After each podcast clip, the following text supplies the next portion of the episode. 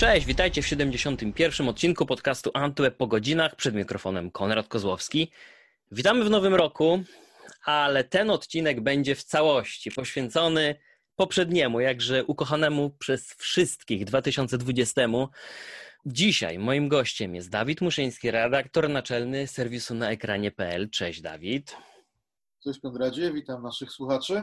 Nie mam rozpisanego tak naprawdę planu na ten odcinek e, i zrobiłem to bardzo umyślnie, bo myślę, że taka luźna formuła, nie chcę użyć słowa chaotyczna, e, będzie najlepiej chyba odpowiadać temu, czego doświadczyliśmy na rynku e, i w ogóle w branży i w przemyśle filmowo-serialowym w zeszłym roku, więc chciałbym, żebyśmy sobie na spokojnie, na zupełnie luźno porozmawiali o tym, co nas dobrego, a może co nas też złego spotkało, e, jakie wnioski z tego można wyciągnąć w przyszłości, jakie do ciebie też e, reakcje, informacje docierają z wewnątrz branży po twoich rozmowach z aktorami, z reżyserami, scenarzystami. E, myślę, że o ile poprzednie lata były już takimi kroczkami ku temu, by ten rynek zmienił się w takim większym stopniu i, i, i te wszystkie e, rewolucje, które były tak wyczekiwane i, i, i, tak naprawdę przewidywane, no już chyba tak naprawdę nabrały tempa. Niektóre z nich, e, sporo zmian. I gdybym tak zapytał na otwarcie, po prostu, to takie pozytywne zaskoczenie odnośnie 2020, to jesteś w stanie takie, takowe wskazać? To to, że nam internet w Polsce wytrzymał taki natłok e, korzystania z streamingów e, w domu tak naprawdę. Bo cały ruch kina został przeniesiony na odbiorniki telewizyjne w domu czy na komputery, bo nie wiem na czym ludzie preferują oglądać. Ja jednak jestem tym tradycjonalistą, więc e, Netflixa, HBO Go, Amazona odtwarzam jednak na telewizorze, a nie na komputerze czy komórce. Więc u mnie, że tak powiem, kanapa znowu stała się tym miejscem, gdzie spędzaliśmy najwięcej czasu. Mhm.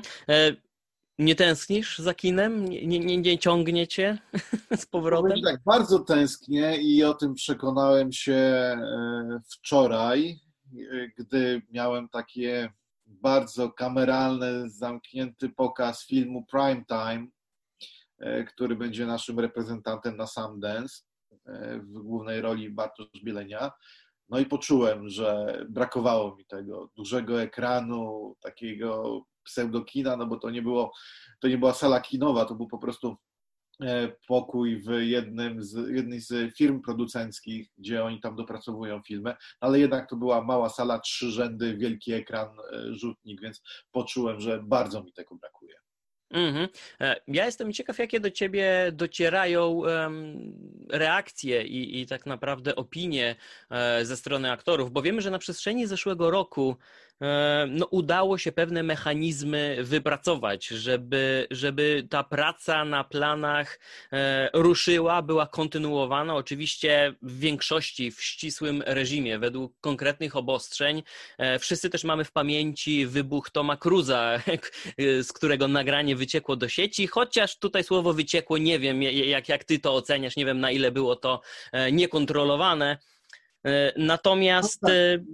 Jeśli chodzi o Toma, to jestem trochę w stanie go zrozumieć, ponieważ on także jest jednym z producentów tego filmu. E, I faktycznie, no, e, tutaj pan Sonnenberg przecież stał nawet na e, czele pewnej komisji, która razem z no, różnymi specjalistami od epidemii miała wypracować jakie procesy muszą przejść na planie, żeby produkcja mogła ruszyć. No i nie dziwię się, że a to są dodatkowo bardzo duże pieniądze, o czym e, nasz rynek polski też mówi, że te procedury niestety kosztują, co zwiększa, e, zwiększa niestety budżet. Więc nie dziwię się, że Tom zaczął się wkurzać, bo wystarczy, że jedna osoba jest zarażona i cały plan zostaje wstrzymany, a pieniądze dalej lecą bo trzeba przypomnieć, że to nie jest tak, że nie wiem, jakaś firma e, ma swój sprzęt, nie, ona wszystko wypożycza. E, ludzie są zakontraktowani na dany okres czasu, a nie po prostu, że przychodzą sobie i mogą siedzieć na planie, ile im się żywnie podoba. W Stanach Zjednoczonych to w ogóle jest jeszcze uwarunkowane różnego rodzaju restrykcjami związanymi z ze związkami zawodowymi, więc no nie dziwię się, że Tom Tomowi zaczynają puszczać nerwy.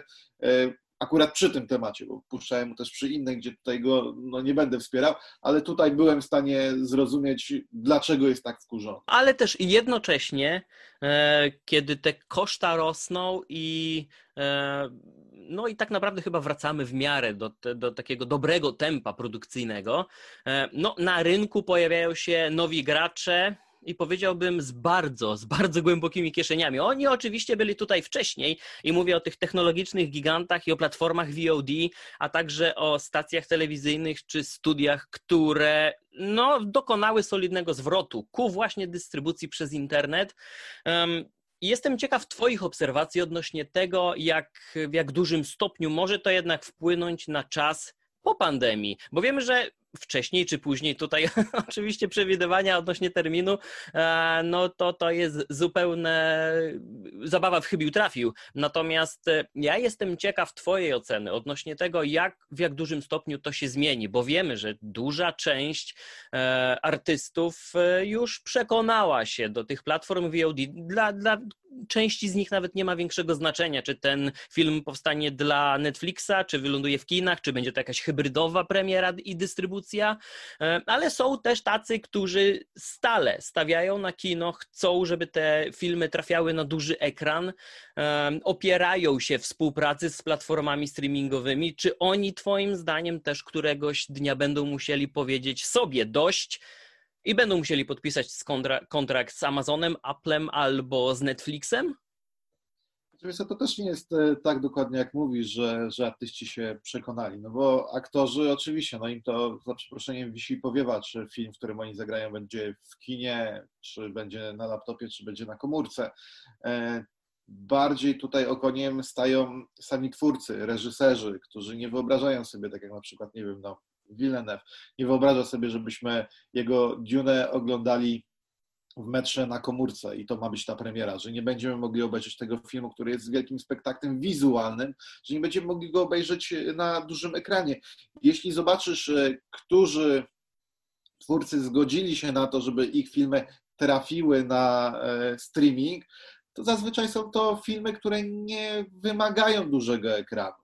Mało tego, w 2020 e, większość filmów, które trafiały na VOD, to były tak naprawdę odrzuty. To nie były filmy, którymi ktokolwiek był się w stanie zainteresować. No, e, na przykład Wojna z dziadkiem, e, film, który u nas nawet miał wejść do kin, ale w końcu pandemia go zatrzymała, a w Stanach Zjednoczonych trafił na VOD, czyli taka komedia z Robertem, mhm. z, tak, z Robertem De Niro no to był film nakręcony w 2017 roku, który był tak słaby, że nikt nie chciał go kupić i pandemia de facto pomogła mu. I takich filmów ja ci mogę wymieniać. No, e, Byle do świtu z Bruce'em Willisem. Film tak naprawdę my byśmy powiedzieli, że to jest w ogóle na rynek DVD, ale nagle ludzie się zaczęli nim interesować, bo po pierwsze film z Bruce'em Willisem, po drugie nic nie ma w kinach, więc go oglądamy.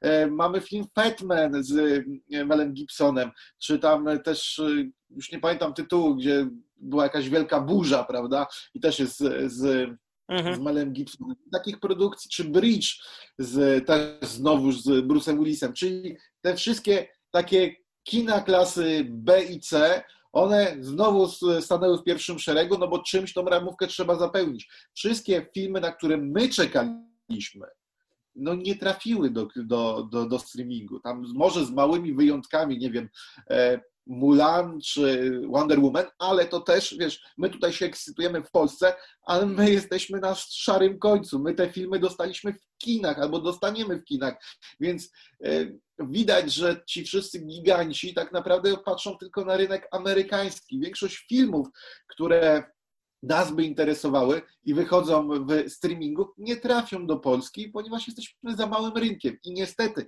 to, co rynek, to, co e, dał nam 2020, w moim przekonaniu, to jest powrót do piractwa sprzed 15 lat. Bo mnie naprawdę bardzo śmieszy, jak na wielu serwisach widzę recenzję Wonder Woman 1984 i zastanawiam się, czy tym ludziom nie wstyd, którzy chodzą w różnych akcjach, jak był początek pandemii, chodzimy do kina, wspieramy legalną kulturę, ale kurde, no nie ma Wonder Woman w kinie, jest na streamingu w Stanach Zjednoczonych, to ciśniemy i robimy recenzję. Ja wiem teraz, że niektórzy słuchacze powiedzą, dobra, Panie Muszyński, przestań pan pierniczyć, bo na, na ekranie też była recenzja Wonder Woman 1984. Tyle, że jest w Polsce, są w Polsce tylko dwa, y, dwoje dziennikarzy, którzy widzieli ten film legalnie. Jestem to ja i Ania Tatarska, ponieważ robiliśmy wywiady do tego filmu i y, Warner nam go pokazał. I to też nie tak łatwo, ponieważ musieli uruchomić swoje biuro, które jest zamknięte na czas pandemii i Stany Zjednoczone musiały wyrazić na to zgodę. Więc ja wiem, ilu dziennikarzy brało w tym udział. Mhm. Patrząc po prostu po naszej bańce, po naszym rynku, widzę, jak wiele osób nie jest w stanie wytrzymać tej presji i jednak się łamie i wraca do piractwa. No i właśnie, super, że, że, że o to zahaczyłeś, bo moje kolejne pytanie oczywiście dotyczy tego, co planuje Warner Bros. E, z HBO Max na 2021 rok. Ale zanim jeszcze o to zapytam, bo to, to też jest oczywiście temat rzeka, to wrócę na chwilę do Wonder Woman 1984, bo jest to film, tak jak powiedziałeś, w okresie świątecznym trafił na HBO Max. E, w Polsce legalnie go zobaczyć jeszcze nie wolno, nie, nie, nie ma tak naprawdę żadnej możliwości. E, ma, I ta premiera... To tak ci przerwę, bo były dwie premiery 25 grudnia. Była Wonder Woman i było Co w duszy, Co w duszy gra. gra Disneya, Tyle, że tutaj tego, tego tytułu i recenzji nie będę się się czepiał, ponieważ Disney Plus jest legalnie dostępny w Polsce. Jeśli zakupimy go w którymś z krajów Unii Europejskiej, to bez ukrywania VPN-em jesteśmy w stanie oglądać go w Polsce. Więc tutaj, podobnie no, jak seriale. Podobnie jak seriale. Podobnie tak, podobnie jak seriale, czy wszystko, co po prostu jest w, w Disney Plusie. Więc tutaj rozumiem, można robić recenzję. Ale tak jak powiedziałeś, Wonder Woman jest dostępna tylko i wyłącznie w Stanach Zjednoczonych. I nie ma jakiegoś legalnego nawet kruczka, żeby go w Europie, żeby tego filmu w Europie obejrzeć i go zrecenzować. Mhm. Ale muszę zapytać o to, czy Twoim zdaniem e, taka dwutorowość premier e, wyjdzie na dobre samemu rynkowi, bo przed nami debiuty, e, zahaczę jeszcze o ten temat, e, w 2021 na HBO Max, Matrixa 4, e, nie wiemy konkretnie jaki będzie jeszcze oficjalny tytuł, mamy Dune, mamy Godzilla vs. Kong, mamy Mortal Kombat i to są filmy, które na przestrzeni 2021 będą trafiały na HBO Max jednocześnie z premierą w kinach w miarę możliwości w wybranych kinach w Stanach Zjednoczonych ale właśnie A... tylko w Stanach Zjednoczonych. Zgadza się, dlatego jestem ciekaw, czy takie odkładanie właśnie yy, premier kinowych w Europie, szczególnie mówiąc o rynku polskim, wyjdzie wszystkim na dobre, bo tak jak powiedziałeś, tutaj wracamy do momentu, kiedy te filmy były poza naszym zasięgiem przez naprawdę długi czas e, i dlatego i te ceny też nie były zbyt atrakcyjne, nawet jeśli ten film się pojawiał w jakiejś onlineowej dystrybucji. Teraz sytuacja zmieniła się diametralnie. Mamy serwisy z abonamentem, z subskrypcją, mamy też możliwość wypożyczania i kupowania tych filmów online. Ceny są rozsądne, jakość jest właściwa, ale na przestrzeni tego roku będziemy i jedynie liczyć na to, że te e, restrykcje, że te obostrzenia rządowe dopuszczą działalność kin w jak najbliższym czasie. Wonder Woman notuje już względem amerykańskiej premiery miesięczno, miesięczny poślizg. Jeśli tak samo będzie w e, kontekście kolejnych filmów, to ja jestem ciekaw, czy w ogóle te premiery kinowe w Polsce będą miały rację bytu, bo tych entuzjastów, sympatyków dużego ekranu i kina nie jest chyba zbyt tylu, żeby wypełnić e, nawet w tych 25 czy 50% salę, na ile będzie można sobie pozwolić, żeby te premiery się w ogóle opłaciły. Naprawdę to, trudno mi tutaj to... To, to zależy, to, to zależy, bo kilka premier w 2020 roku, kinowych, polskich, pokazało, że da się to wypełnić. To mówię chociażby o pętli Patryka Wegi, czy o 25 latach niewinności historii Tomka Komendy, e, które no, zrobiły bardzo dobry wynik jak na pandemię. Więc to jest możliwe. I ja to widzę tak. Tylko że... tych filmów nie było wcześniej w sieci. E, no tak, tych filmów nie było wcześniej w sieci, no ale to mówiłeś, czy jak wejdzie, jak kina nawet zostaną otworzone, to czy jest tylu maniaków filmowych, żeby zapełnić 25%? Moim zdaniem jest. To, co ja widzę, co teraz robi chociażby Disney, czy właśnie HBO Max, dokładnie Warner, z tymi hybrydowymi premierami, to bardziej mi się wydaje, że po pierwsze oni muszą trochę rozhuśtać swoje nowe platformy, bo trzeba przypomnieć, że obie te platformy są w miarę nowe, e, a po drugie to jest e, walka z kinami o to, żeby obniżyć próg, ile te, ile te kina biorą od e, producentów za to, że pokazują ich filmy. E, bo teraz to oni zabierali lwią część zysków i wydaje mi się, że właśnie produ, producenci chcą to od, odsunąć, trochę odmienić, właśnie przez e, straszenie ich hybrydowymi premierami. Jeśli zobaczymy, to no Wonder Woman nie zrobiła wielkiego wyniku. To nie jest zadowalający wynik właśnie przez to, że, że puścili to wcześniej do netu.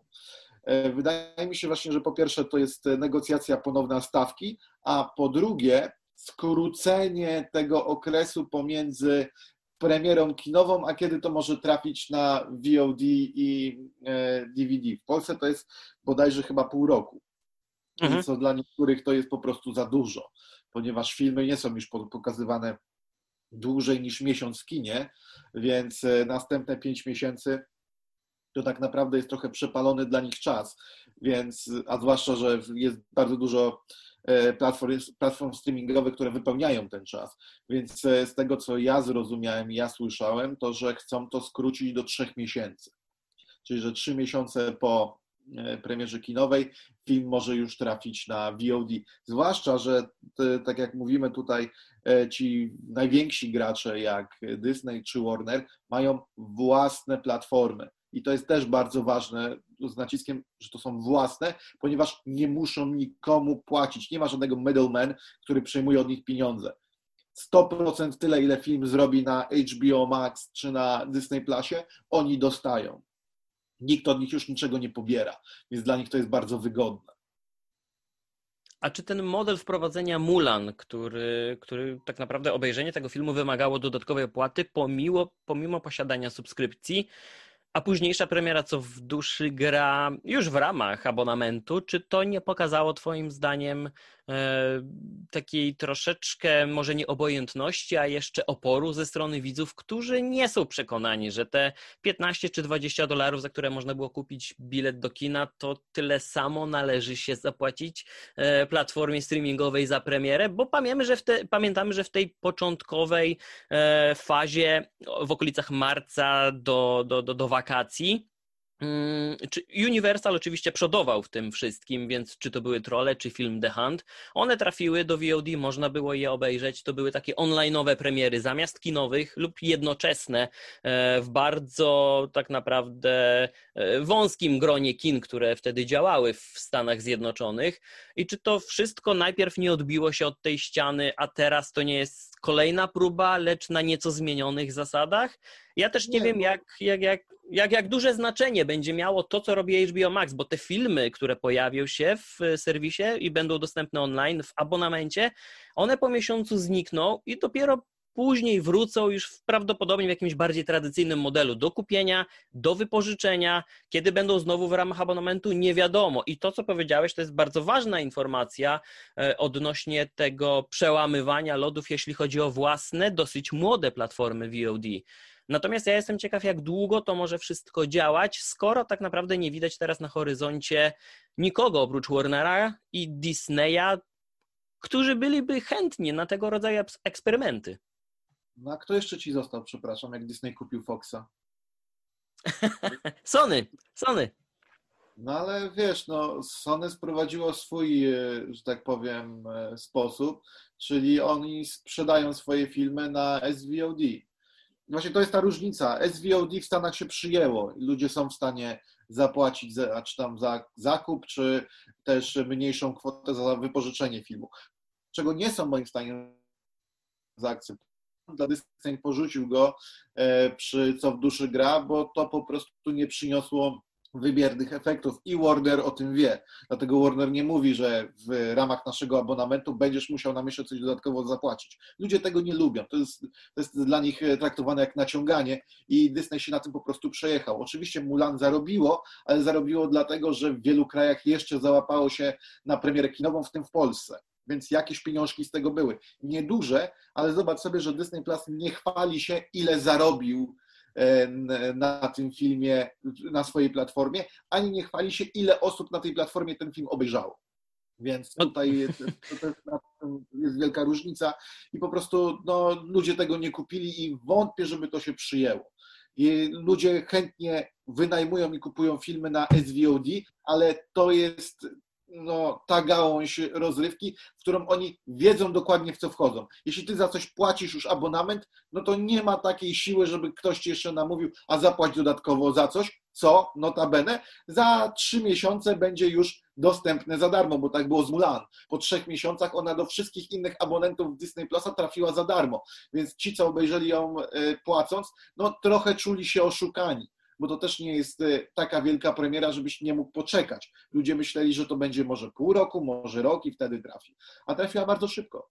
To czy Twoim zdaniem ten rok będzie jakiś przełomowy, rzeczywiście już po tym 2021 um, kina będą musiały, po prostu będą musiały się ugiąć, przystać na warunki platform VOD, e, a widzowie tak szybko odzwyczają się od dużego ekranu?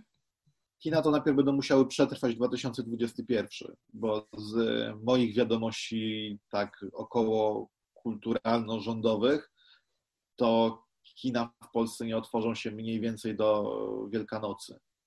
Więc tutaj rozmawiamy naprawdę o długim czasie i nie mhm. wiem, ile jest w stanie to wytrzymać. E, więc no, tutaj większej rewolucji na razie nie, nie, nie oczekuję. Widzę za to ewolucję, jeśli chodzi o rynek VOD, chociażby Netflix, który ostatnio ogłosił zmianę w ogóle swojego kierunku i już nie chce być kojarzony tylko i wyłącznie z serialami, ale będzie dostarczał nam jeden taki kinowy film tygodniowo z wielką hollywoodzką obsadą i zaczął to właśnie realizować już od początku roku e, cząstkami kobiet. I te, teraz będą kolejne.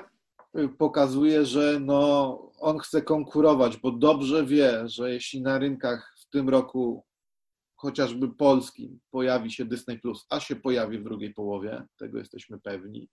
W drugiej połowie pojawi się także HBO Max i ruchy zostały już, e, że tak powiem, zagęszczone, co no, abonenci Netflixa bardzo odczuli, bo zniknął im chociażby Harry Potter. My możemy się śmiać, ale to była lwia część ruchu, którą miało. Czy e, przyjaciele miało, na Netflixie. Czy, przyjaciele, tak, czy tam teoria wielkiego podrywu, czy wszystkie te większe rzeczy Warnera zaczynają po prostu z biblioteki e, Netflixa znikać, bo oni się przygotowują. No to, to już wiesz, e, skończył się ten czas, kiedy duże firmy nie miały swoich platform albo nie wierzyły w ich skuteczność i na lewo i prawo sprzedawały licencje. Teraz wszystko no, jest zagarniane pod siebie.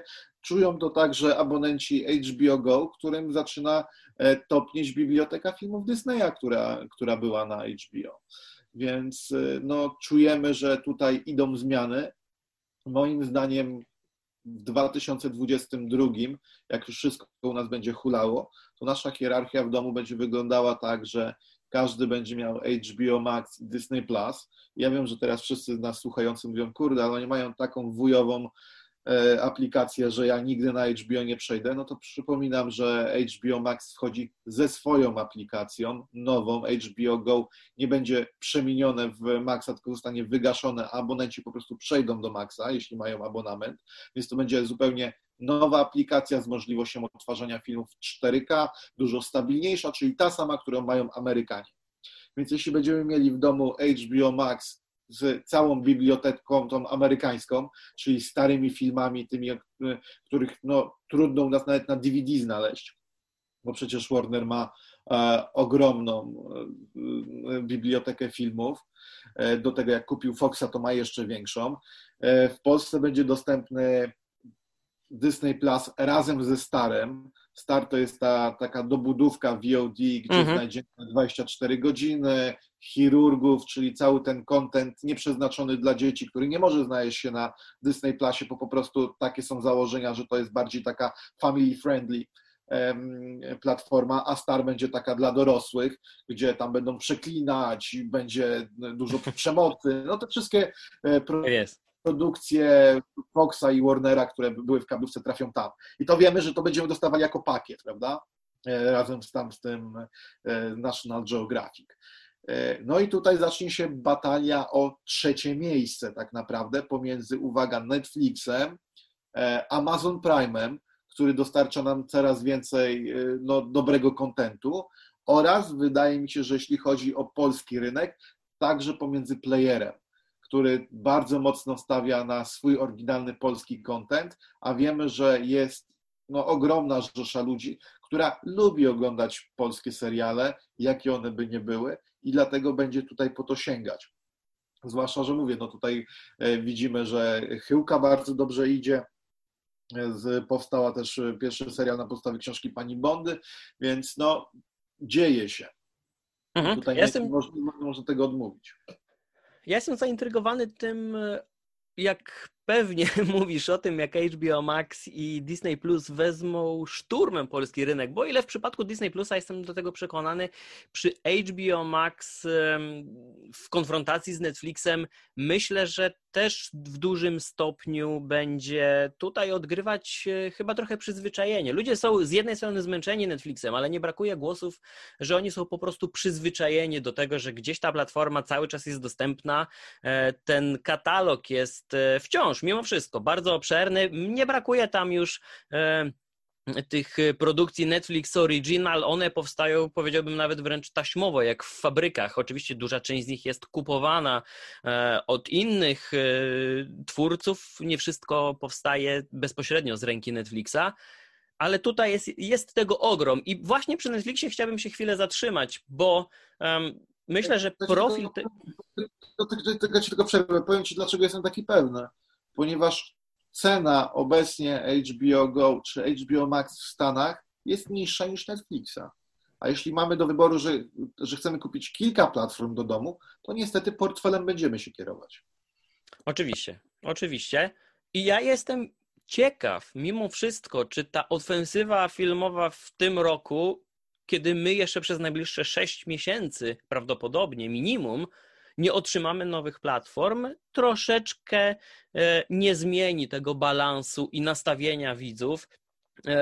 E, a, a, zatrzymując się przy samym Netflixie, którego tak naprawdę e, profil zmieniał się na przestrzeni lat. W tej początkowej fazie oczywiście był jedynym i tak naprawdę największym, najlepszym miejscem dla wszystkich, czy to były stacje telewizyjne, czy to były studia filmowe, to był taki jeden kranik, którym e, treści, oprócz Hulu w Stanach Zjednoczonych, e, mogły trafiać do internetu i, i, i można było liczyć na spory zarobek. Teraz, jak powiedziałeś, ten, to się kompletnie zmienia, ponieważ każdy e, z większych graczy będzie stawiał na własne platformy. Mamy też takich może nie powiedziałbym e, malkontentów, ale są jeszcze platformy typu Apple TV gdzie, gdzie też zaczyna się dziać coraz więcej. Um, ale wracając do Netflixa, bo jeśli chodzi o Netflixa, jest to bardzo ciekawy wątek i tutaj pamiętamy te pierwsze momenty, kiedy Netflix y, nabierał rozpędu, jeśli chodzi o produkcję e, własnych treści. Pamiętamy też moment, w którym wkroczył na kolejne rynki i teraz to widać po różnorodności tak naprawdę tego katalogu, e, że te filmy i seriale zaczynają powstawać niemalże w każdym zakątku świata, także w Polsce, co widać było w ostatnich miesiącach i co będzie widać w następnych miesiącach. Ja jestem ciekaw, e, w jak dużym stopniu jeszcze Netflix będzie w stanie ciągnąć to wszystko na tak wysokim poziomie, tym bardziej, że ta konkurencja rośnie. E, I jak pamiętamy, jeszcze skończę. Jak, jak pamiętamy, Netflix e, nie do końca był zawsze przekonany do tej dystrybucji kinowo-telewizyjnej, a te platformy jednak dają wsparcie, te, te modele dystrybucji dają wsparcie mm, większym e, i, i, i tak naprawdę tych losów Netflixa nie da się chyba przewidzieć na tę chwilę. Ale pamiętajmy, że zbliża się wielkimi krokami do 200 milionów subskrybentów, no i w skali, w skali globalnej jest to nadal największy serwis VOD na świecie. Tak, dlatego ja odnosiłem się tutaj do polskiego rynku, a nie globalnego. Mhm. Jeśli chodzi, wiesz, po pierwsze, Netflix z roku na rok może i produkuje więcej, ale produkuje więcej gorszego kontentu. I co widzę po nie tylko moich znajomych, ale po użytkownikach naszego serwisu. Gdy puściliśmy newsa o tych 72 premierach filmowych, to powiem Ci szczerze, z 80% ludzi wpisujących komentarze, to było taka, co z tego, że 72, jak do obejrzenia fajnych będzie z 8. I niestety to odpowiada tym reakcjom, jakie my mamy na ich filmy i seriale. Ja jestem bardzo rozgoryczony. Wiesz, dostaliśmy dwa polskie filmy, z czego jednego prawie nikt nie zrozumiał, a drugi był moim zdaniem średni. Mówię o tej komedii Wszyscy moi przyjaciele nie żyją. Już mhm. zapowiedziano, zapowiedziano Miłość do kwadratu, która po samym zwiastunie e, przypomina mi bardziej porady na zdradę niż jakąś komedię, która będzie mnie na tyle śmieszyła, że powiem wow, ale fajną rzecz zrobili. E, no, o polskich serialach nawet nie będę się wypowiadał, no bo to, to też nie. Znaczy, jeśli E, polski Netflix, e, robiąc polski content, musi sięgnąć po książkę Harlana Cobena, bo nie jest w stanie na naszym rynku znaleźć nic, co będzie przyciągało widzów, no to już pokazuje, że jest coś nie tak, prawda? No tylko to jest coś nie tak z działaniami Netflixa, czy z naszym rynkiem, bo patrząc na, na lokalne działania, wspominanego przez Ciebie wcześniej, na przykład playera, e, czy nawet lokalnych stacji telewizyjnych, no to tutaj potencjał mimo wszystko przecież jest. Czy nie, nawet e, w książkach, czy e, w autorskich scenariuszach. Więc czemu ten balans jest tak niezachowany? Czy może ta obecność Netflixa w Polsce jest nie taka, jak być powinna? Jeszcze był ten, nie wiem na ile aktualny, może mnie teraz poprawisz, romans z TVP i nie mówię tutaj o pojawianiu się seriali i no, filmów w TVP, ale Erynie, wspólne koprodukcje, więc... Tak. E, e, serial Erynie z Marcinem e, Dorocińskim. Nie no, jest zrobiony. Wiesz, generalnie no, nie aż tak bardzo trudno oceniać. Mam wrażenie, że po wielkim falstarcie, jakim było 1983, Netflix potrzebował w naszym kraju na szybko coś, co zatrze złe wrażenie. I poszedł po prostu na łatwiznę, nie brał żadnej książki polskiego pisarza, tylko wziął po prostu skrypt e, od Harlana Cobena, który najprawdopodobniej był gotowy, no bo e, Netflix ma umowę z Harlanem, więc mhm. spodziewam się, że to było na zasadzie, że nawet nie bierzemy książkę i przerabiamy ją na scenariusz, tylko my mamy już książkę przerobioną na scenariusz i prosimy ją tylko zaadoptować na realia polskie co bardzo, że tak powiem, skraca czas produkcji. I to po prostu było na tym, że słuchajcie, no musimy zacząć szybko wrażenie. No nie możemy zrobić nic oryginalnego szybko, szybko, szybko, szybko. No i wyszło znowu średnio. Ja nie jestem zadowolony z tego, z tego serialu. Moim zdaniem e, polscy scenarzyści, którzy dobrali się do tej e, historii, no, sknocili ją, zwłaszcza w finałowych odcinkach, gdzie zostajemy z większą liczbą znaków zapytania niż na samym początku tej produkcji. Już, a, a, wszyscy to, a wszyscy, co czytali książkę, no to gula jeszcze bardziej im się podnosi, bo widzą, co z tej opowieści zostało wyłączone. Jeśli nie czytaliście książki, to powiem wam tylko, że e, w książce dużo więcej jest tego, tej rozprawy e, dwóch chłopaków, którzy zgwałcili czyli dziewczynę. I to też jest e, silnie umocowane w tej historii, dlaczego oni to zrobili e, i co mhm. nimi kierowało. Tego w ogóle w serialu nie ma i ten wątek przez to jest taki całkiem niepotrzebny, jest dla nikogo niezrozumiały.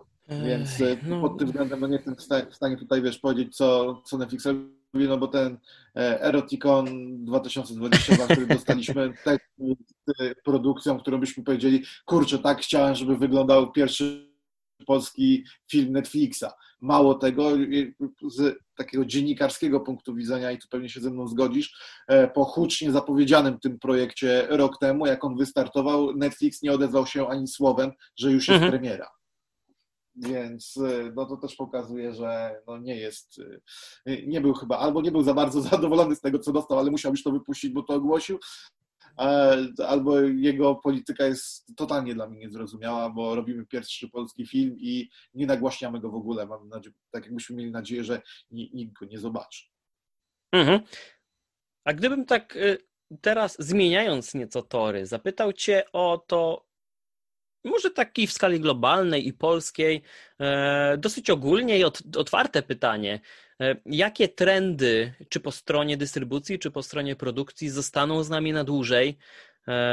i, i które będą utrzymywane w najbliższych miesiącach.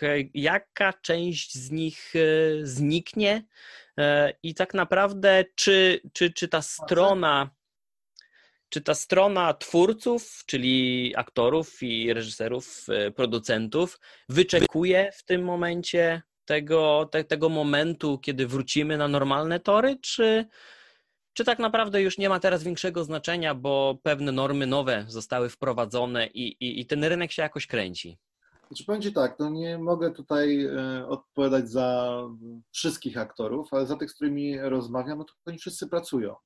E, jeśli chodzi o kino i telewizję. Oni bardzo odczuli to zamknięcie teatralne, bo po prostu to była też e, duża część ich pracy i niestety no, tutaj nie da się tego przeskoczyć, ale jeśli chodzi o produkcję filmowo-telewizyjną, no to wszystko kręci się tak, jak się kręciło.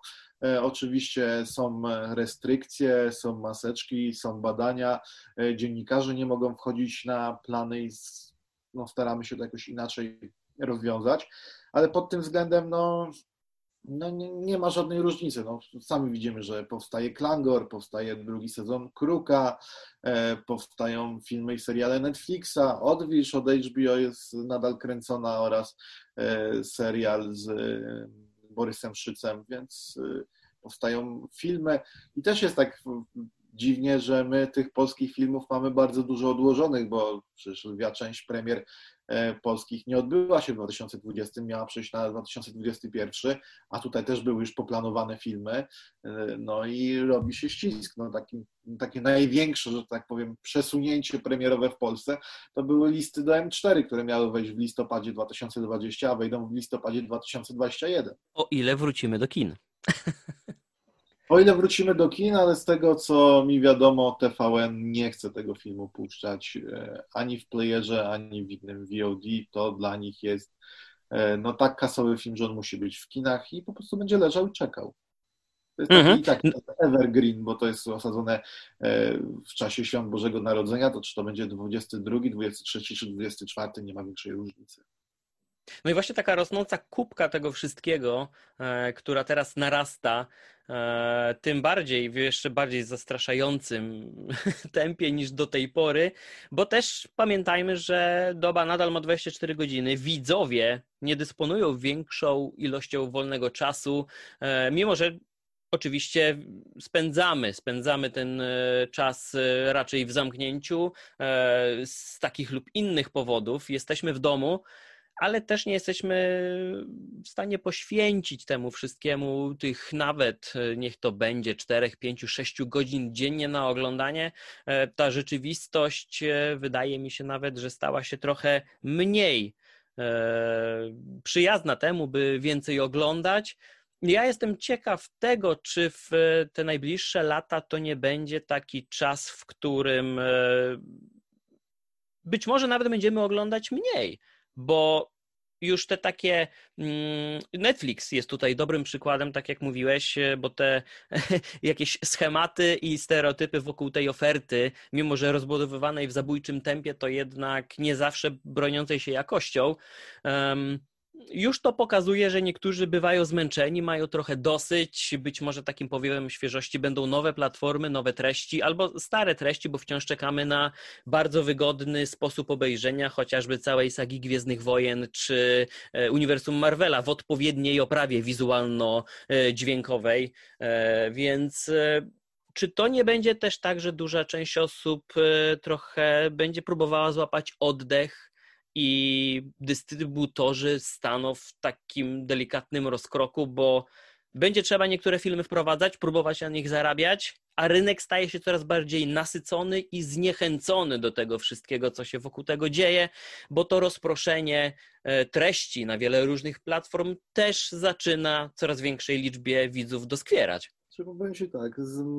mojego doświadczenia jest tak, że jeśli chodzi o amerykańskie produkcje, czujemy już trochę przesyt, ale czujemy też niedosyt polskich produkcji, co pokazuje chociażby no, fenomenalna oglądalność bardzo średniego serialu TVP Osiecka. Tam chyba ma 3 miliony widzów. No to nie oszukujmy się, to jest bardzo dobry wynik. To pokazuje, mhm. że po prostu polski widz y, szuk, jest trochę już zmęczony tymi amerykańskimi produkcjami, które teraz e, jak wchodzą, to już kręcą się tylko wokół e, no, poprawności politycznej, Black Lives Matter i oczywiście ważnych tematów, ale mało ważnych z punktu widzenia polskiego widza. My, my, nie zawsze to, no widz u nas nie zawsze to rozumie, nie, nie, zawsze chce to oglądać, bo to dla niego jest takie, wiesz, no w jednej Odległe. produkcji spoko, ale jak masz coraz więcej, to, to już odpadasz, więc on szuka polskich y, seriali, polskich realiów, dlatego Player ma takie dobre wyniki oglądalności swoich seriali e, ponieważ no, my potrzebujemy tych naszych. Jesteśmy trochę takimi e, nieświadomymi patriotami.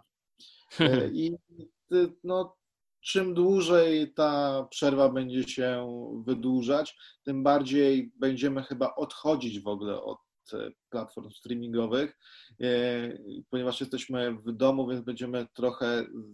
Spojrzymy w lustro po tym pierwszym roku i dojdziemy do wniosku, że ta kanapa aż tak bardzo nam nie służy.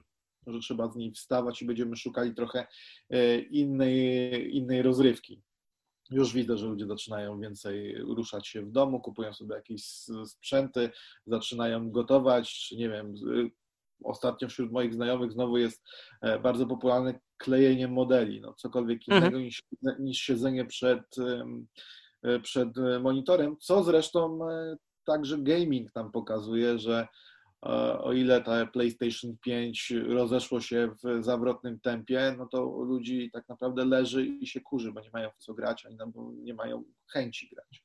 Więc to mhm. powinniśmy grać, po prostu jest. I z platformami też niestety tak powoli jest, że oczywiście będziemy się rzucać na jakieś większe rzeczy, jak wejdzie, nie wiem, e, Liga Sprawiedliwości, Snyder's Cut, to, to wtedy ludzie się rzucą w marcu, prawda?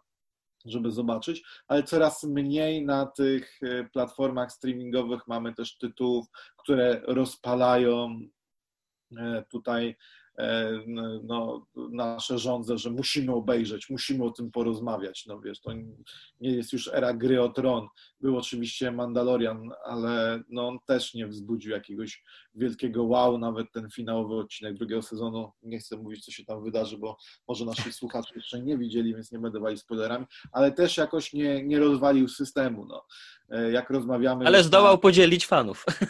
No, ale wiesz, no to fanów to zawsze będzie dzielić. No, tak samo jak, e, jak rozmawiamy, to już na platformie Disney Plus są dwa odcinki WandaVision i pomimo tego, że jest to ciekawa produkcja no, jako pierwszy serial nawiązujący do MCU. Ja wiem, że teraz wszyscy będą mówili, że agenci tarczy byli pierwszym, ale Kevin Feige się zażegnuje, że nie, że to był błąd i oni nie są tak jednak jest. E, kanoniczni. E, no też moim zdaniem nie wzbudzi jakiegoś wielkiego poruszenia w sieci i wielkiej, wielkiej dyskusji. E, no nie ma takich produkcji obecnie.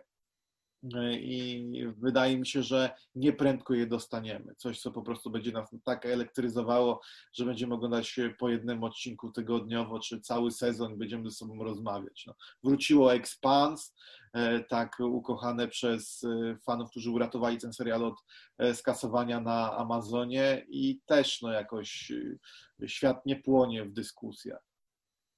A czy to nie wynika właśnie z tego przesytu treści, że tego jest teraz zbyt dużo? Jak najbardziej przesytu treści oraz tego, że nie spotykamy się z naszymi znajomymi tak często, jakbyśmy chcieli, więc nasza bańka bardzo się zawęża do tak naprawdę nas i mhm. oglądamy coś, oglądamy już tak mimowolnie, tak dla siebie, e, nieuważnie, no bo nie ma tak, że później idziemy do pracy i e, przy kawie, czy herbacie, czy nie wiem, coli. Dyskutujemy, dyskutujemy o tym. teraz, e, co, co zobaczyliśmy, prawda? No, takim ostatnim serialem, który chyba wszystkich elektryzował, to był Wiedźmin. Jak, jakby się tak zastanowić. Mhm. I no, następny sezon będzie dopiero w przyszłym roku.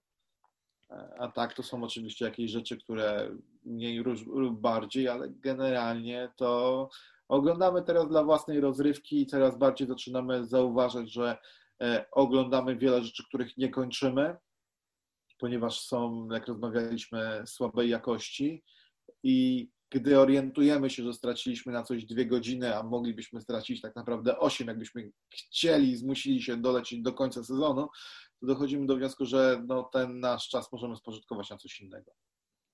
To jest przykra konkluzja od człowieka, który zajmuje się popkulturą, serialami i filmu, filmem, ale no niestety tak to powoli zaczyna wyglądać, że brak to... tego bardzo dobrego kontentu, który trafiał do kin, e, no skutkuje tym, że dostajemy dużo średniego kontentu, no bo coś puszczać trzeba, na czymś trzeba zarabiać. Bo ten średni kontent też przecież wychodzi od tych samych studiów, które trzymają te, te duże tytuły. No Bond znowu został przesunięty bodajże chyba na listopad, tak? I też nie wiadomo, czy wtedy się ukaże, więc no niestety, niestety nie ma MCU. E, DC jest tylko w Stanach Zjednoczonych, nam trzeba tutaj czekać w, w kinach. I to też niestety bardzo dobitnie każdemu z nas pokazuje, gdzie my na tej mapie świata jesteśmy. Bo przez ostatnie lata myśleliśmy, że dogoniliśmy już światową czołówkę, że e, duże koncerny liczą się z naszym krajem, z naszymi konsumentami, z naszymi portfelami, a 2020 pokazał, że wcale nie, że to nie przyspieszyło wejścia Disney Plusa do Polski, że wszyscy siedzą w domu i mogliby to kupić.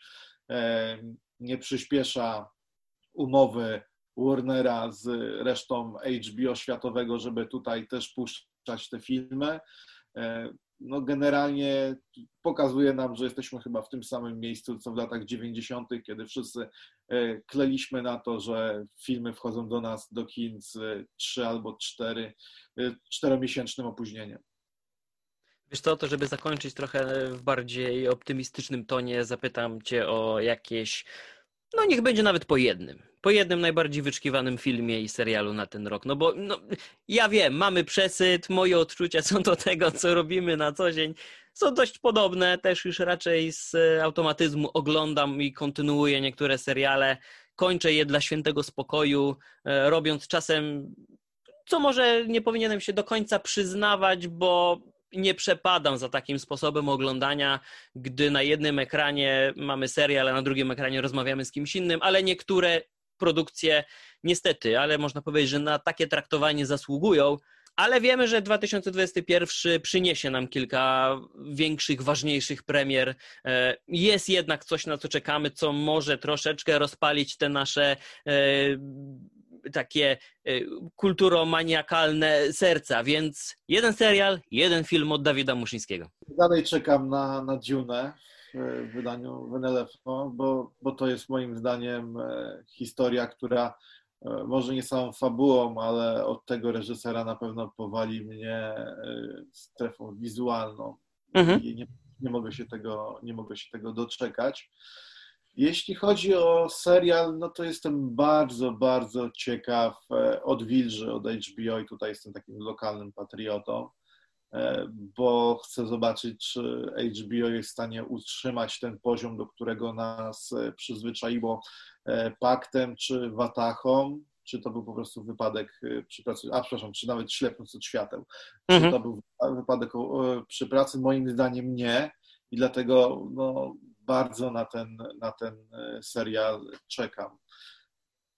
No, miejmy nadzieję, miejmy nadzieję, bo, bo, bo rzeczywiście Ślepnąc od świateł chyba było takim e, serialem, który dotarł do szerszego grona odbiorców niż HBO sądziło, e, co nie spotkało Watachy, jeżeli to, to taka moja mała obserwacja, bo nawet gdzieś w tych kręgach znajomych którzy na co dzień nie palą się do oglądania seriali, to gdzieś to ślepnąc od świateł tak przetarło szlaki, więc, więc bardzo fajnie. Miejmy nadzieję, że takie produkcje będą się w przyszłości, no jeszcze nie tylko ze strony HBO, ukazywać. Ja na przykład widzę, jeśli chodzi o Watagę, tak jeszcze tylko dodam, że ono zdobyło bardzo dużą e, rzeszę fanów i poprzez ten serial ludzie znowu zaczęli odkrywać Bieszczady i tam jeździć. Mhm. E, są różnego rodzaju szlaki serialem Watachy. Wiem, że tam Leszek Lichota to organizował, wiem, że są jakieś spotkania z fanami, gdzie pani Poplaska bierze udział, więc no, widać, że ten serial może, tak jak ty mówisz, nie trafił do szerokiego grona widzów, ale przynajmniej przysłużył się do popularyzacji tej części e, Polski, która przez nas była no tak trochę turystycznie zapomniana. No tak, tak jak wspominałeś, lokalny patriotyzm bardzo fajna rzecz. E, rynek nam się rozkręcił. Myślę, że nawet poświęcony polskim serialom odcinek w najbliższej przyszłości byłby fajnym pomysłem, więc e, na pewno, na pewno możesz spodziewać się zaproszenia w najbliższym czasie. Jeśli, będzie, jeśli będziesz chciał, jeśli słuchacze będą chcieli mnie słuchać, to jestem do dyspozycji. Bardzo, bardzo chętnie porozmawiam. Super. Dawidzie, dzięki serdeczne za, za tę rozmowę. Dzieje się, dzieje się bardzo dużo, tym bardziej online. Szybciej do nas wszystko dociera, więcej tego jest. Czasem na dobre, czasem na złe, ale, ale trzymajmy kciuki, żeby no, do, w pewnym momencie mimo wszystko już e, nastąpiła normalność. Może nie nowa normalność, ale normalność. Jeszcze raz dzięki wielkie, Dawid. Dziękuję Tobie, dziękuję Państwu.